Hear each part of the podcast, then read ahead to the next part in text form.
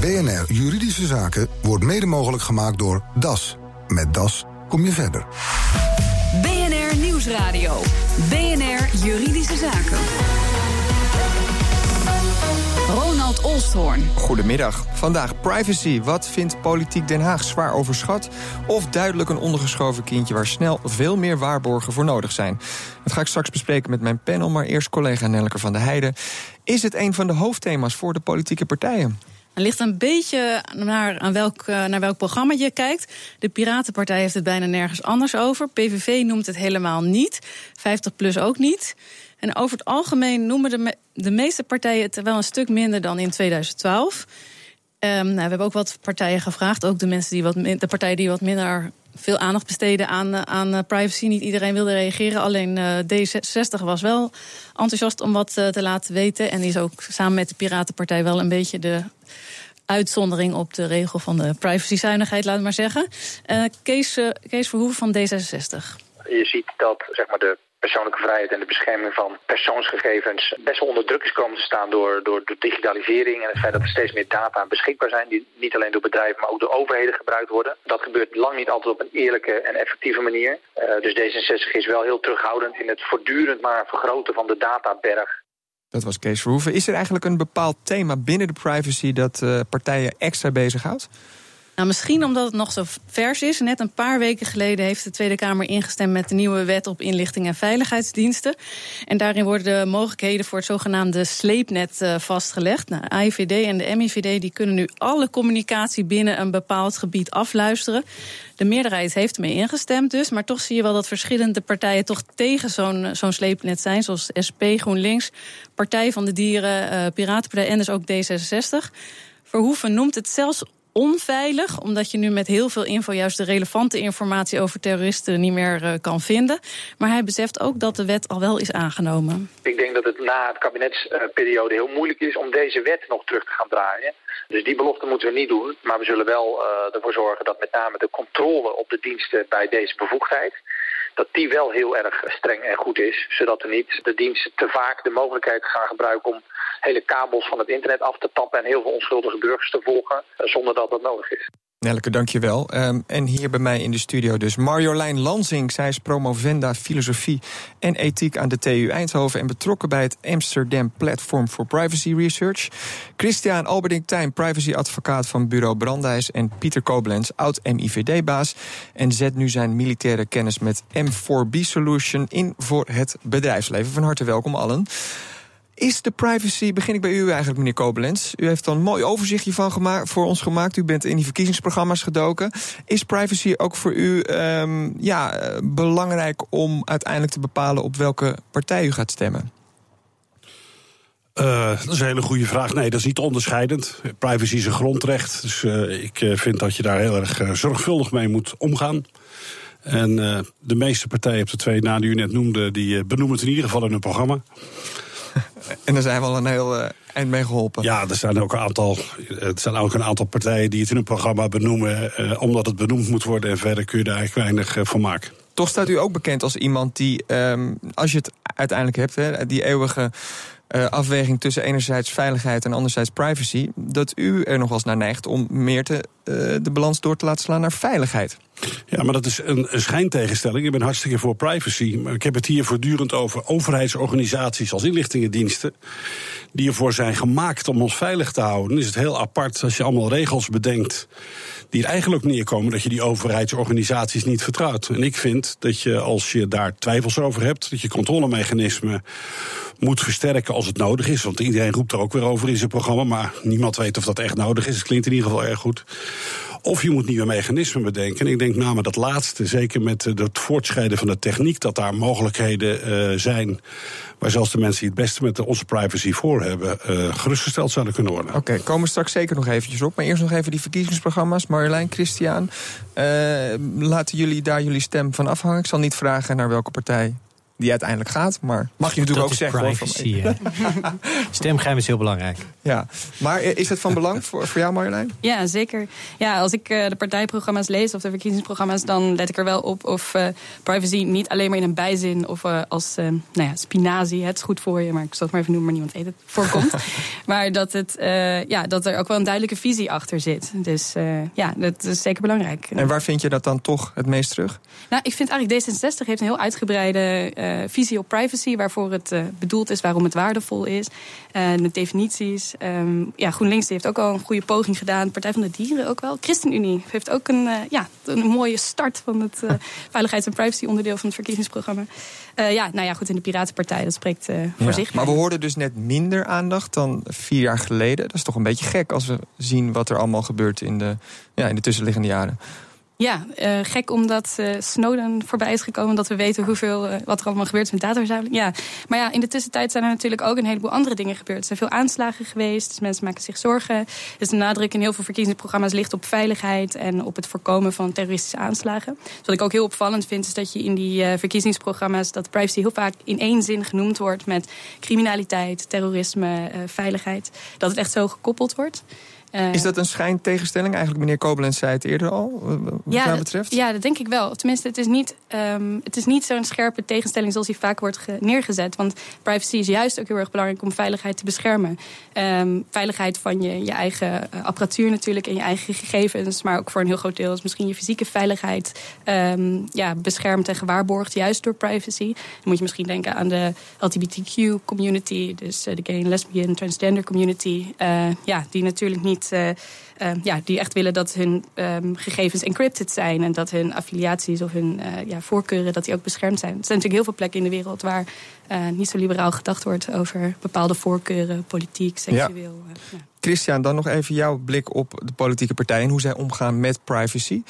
Te weinig, nou, ik heb, ik heb het Voldoende? verkiezingsprogramma van uh, 2012 uh, er niet bij gepakt. Uh, dus ik hoorde Nelke van der Heijden zojuist zeggen dat, het, minder, dat er minder aandacht voor is. Ik vond dat een aantal partijen er echt positief uitsprongen. Een aantal die al genoemd zijn. Maar het lijkt alsof de partijen er echt wel goed over nadenken, willen denken. Er zitten ook wel wat tegenvallers bij partijen waarvan je zou verwachten dat ze er juist wat meer aandacht aan besteden. Zoals de Partij van de Arbeid, waarbij de lijsttrekker notabene een proefschrift heeft geschreven over het communicatiegeheim heeft het niet over het digitale communicatiegeheim. Terwijl GroenLinks daar weer een heel mooi uh, hoofdstuk aan wijdt. Uh, waarom dat belangrijk is. Grondrechten in een digitale omgeving.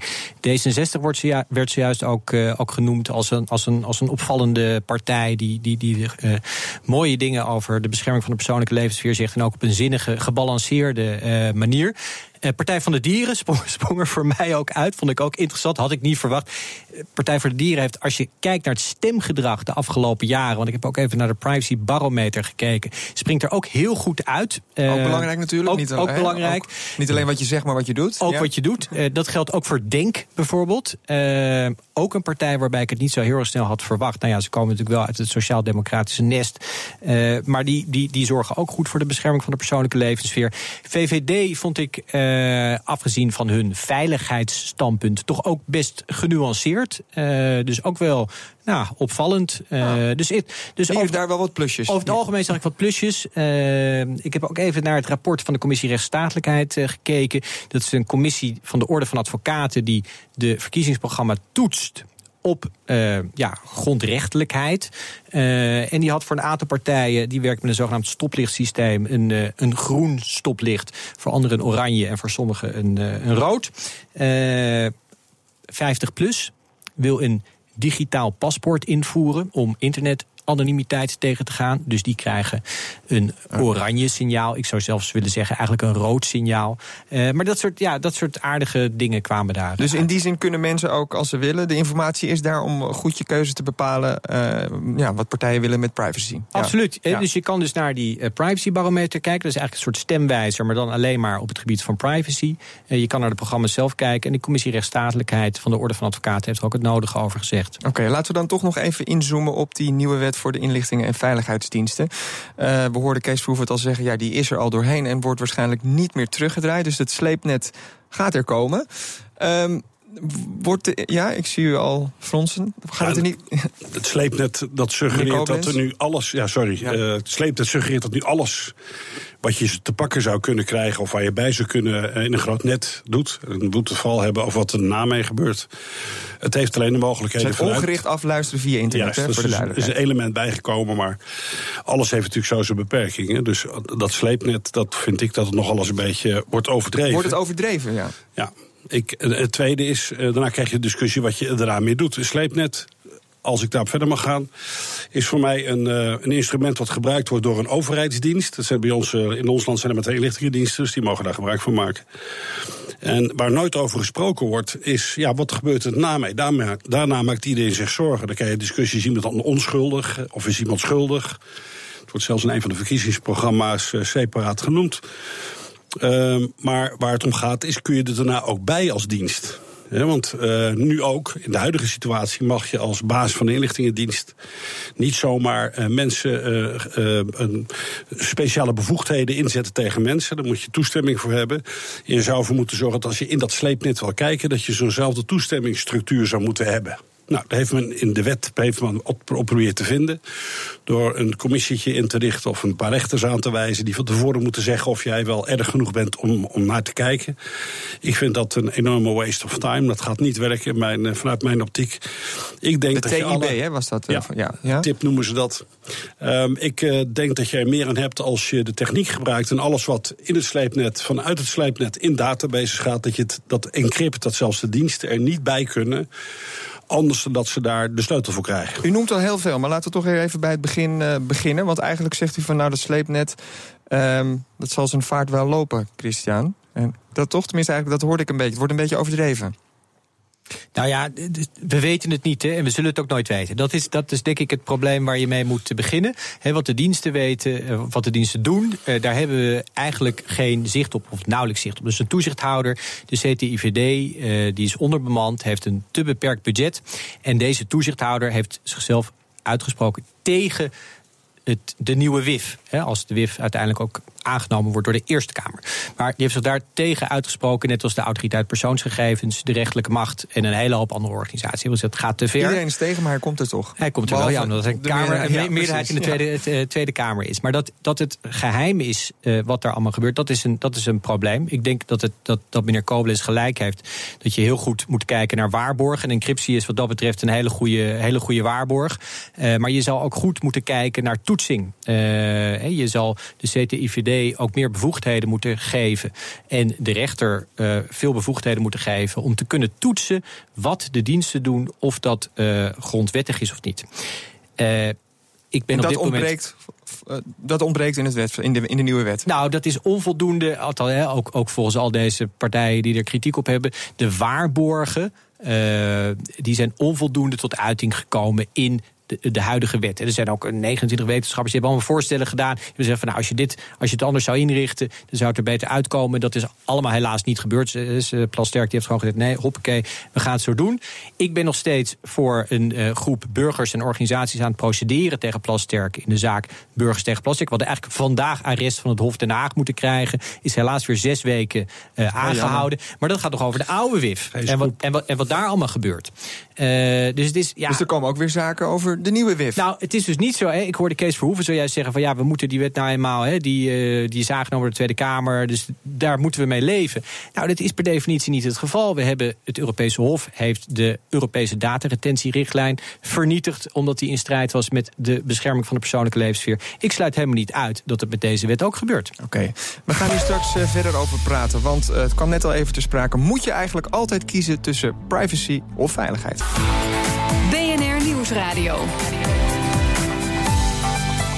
BNR Juridische Zaken. We hadden het voor de break al over de privacy en of je andere keuzes zou moeten maken als de veiligheid in het geding is. Met mijn gasten Pieter Koblenz, oud MIVD-baas, Marjolein Lansing van het Amsterdam Platform for Privacy Research en Christian Alberding-Tijm van Bureau Brandijs.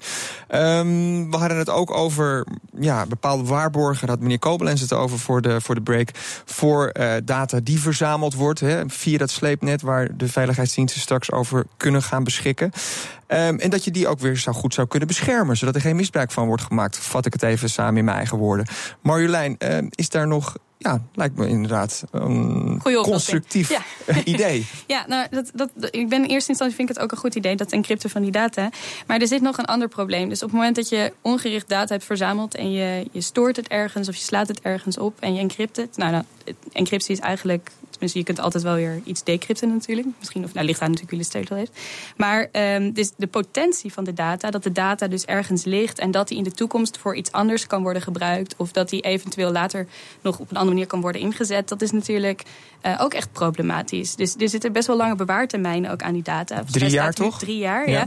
En um, volgens mij, zelfs voor de DNA-databank, uh, mogen DNA-profielen 30 jaar bewaard worden. Um, nee, je weet gewoon niet als burger waar je data voor gebruikt gaat worden in de toekomst. En zeker als het gaat over big data, over de potentie van big data, dan ja, is zo'n opslag of hij nou encrypted is of niet, dat, is, ja, dat, dat kan ook een chilling effect veroorzaken. Hè? Dus dat burgers weten van, nou ja, eh, ik word in de gaten gehouden, het wordt opgeslagen en ik weet niet waar het in de toekomst voor gebruikt voor gaat worden. En dat ja, dus meneer Koblenz, ook al zit het achter slot en grendel bij de overheid, je kunt er niet gerust op zijn. Jawel, want we hebben ook op papier hebben we ook geheimen staan. Hè? Daar heb je archiefwetten voor, daar kun je heel goed afspraken over maken, kunt laten controleren, je kunt zelfs afspreken. En daar is natuurlijk ook sprake van dat je het een aantal jaren vernietigt. Uh, en dat gebeurt alles met wat er op papier staat ook. Dus die, de 100% garantie heb je alleen als je iets bedenkt en je daarna zelf doodschiet. Dan kun je het ultieme geheim bewaren en dan heb je er vrij weinig aan. Dus uh, ik denk dat als je het encrypt, maar daar horen nogal een paar maatregelen bij. Want je weet nu niet, hè, als je het in een cloud zet waar het in de wereld ergens terecht komt. En ik weet dat er in het bedrijfsleven nu initiatieven zijn om ervoor te zorgen dat je Nederlandse cloud, Nederlandse encryptie, waar de overheid uiteindelijk wel leverage op heeft, mogelijkheden gaan ontstaan waarbij dat wel kan en de overheid het laatste woord heeft. En daar ligt voor mij de sleutel. Voor mij, ik woon in een democratisch land, kan altijd beter. Controlemechanismen moeten op hun plaats zijn.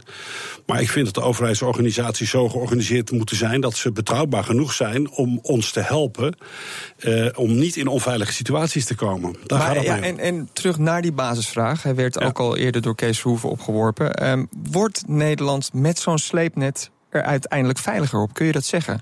Ja, tenzij niemand aan tafel gelooft dat big data uh, grote positieve consequenties heeft. Zoals de computer uh, Watson bij IBM.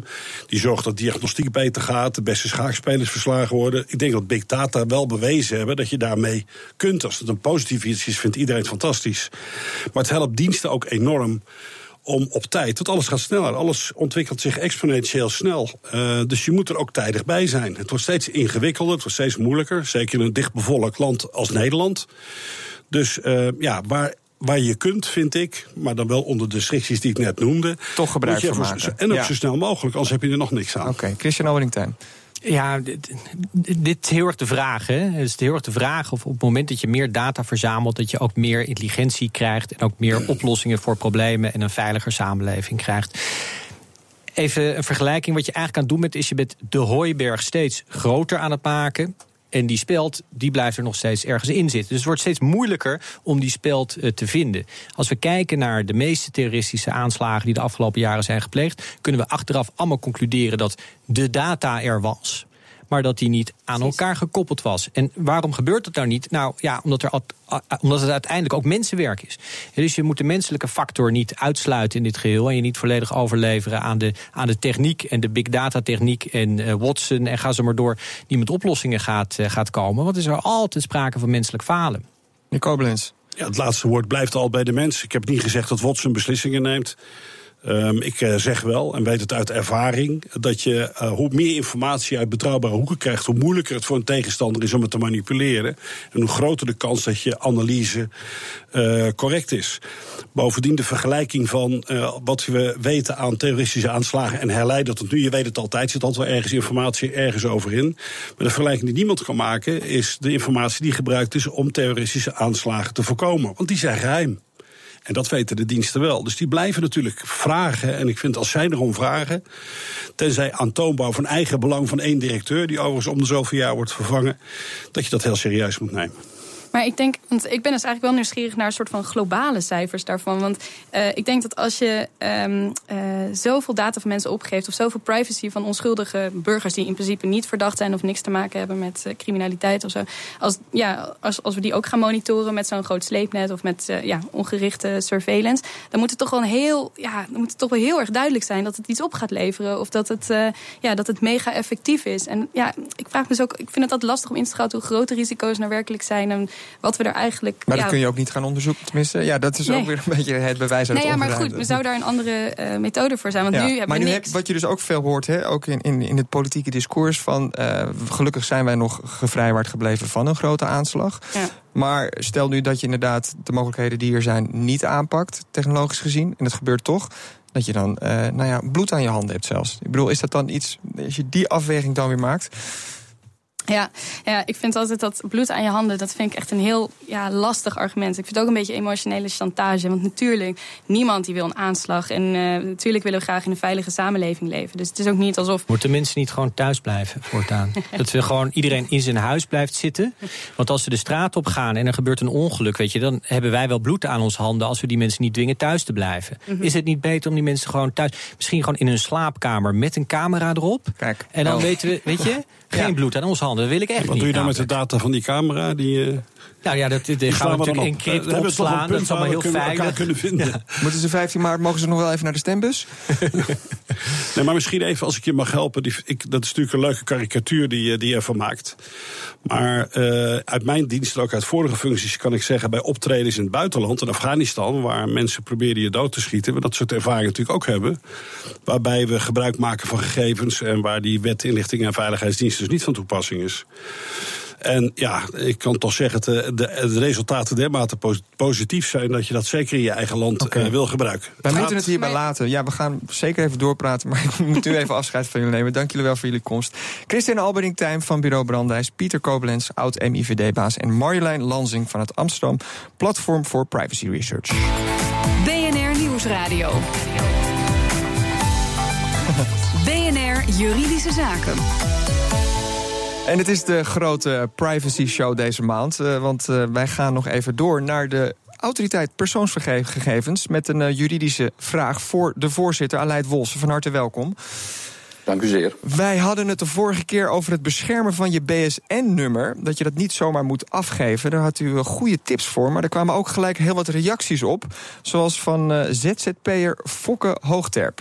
Je moet je BSN-nummer eigenlijk nooit afgeven. Je moet het zelfs geheim houden. Maar ik ben ZZP'er en ik ben verplicht om mijn BTW-nummer op mijn facturen te zetten. En dat is gelijk aan mijn BSN-nummer. Hoe kan ik nou voorkomen dat ik dat daarmee openbaar maak? Ja, die luisteraars van ons, let op, meneer Wolfsen. Ja, hoe ga je ja. dat dan oplossen? Ja, die kwamen ook direct bij ons met die vragen. Inderdaad, dat is toch het belangrijke nut van deze uitzendingen. Een belangrijke vraag is dat, want het BSN-nummer, dat hebben we al gewaarschuwd, maakt het nooit actief openbaar, want het is een uniek identificatienummer tussen jou en de overheid, tussen overheden onderling. Als je het openbaar maakt, dan kan het leiden tot de ideefraude en dat soort dingen. Maar waar we nu mee zitten, is dat uh, de. Ik moet even de telefoon uitzetten, sorry.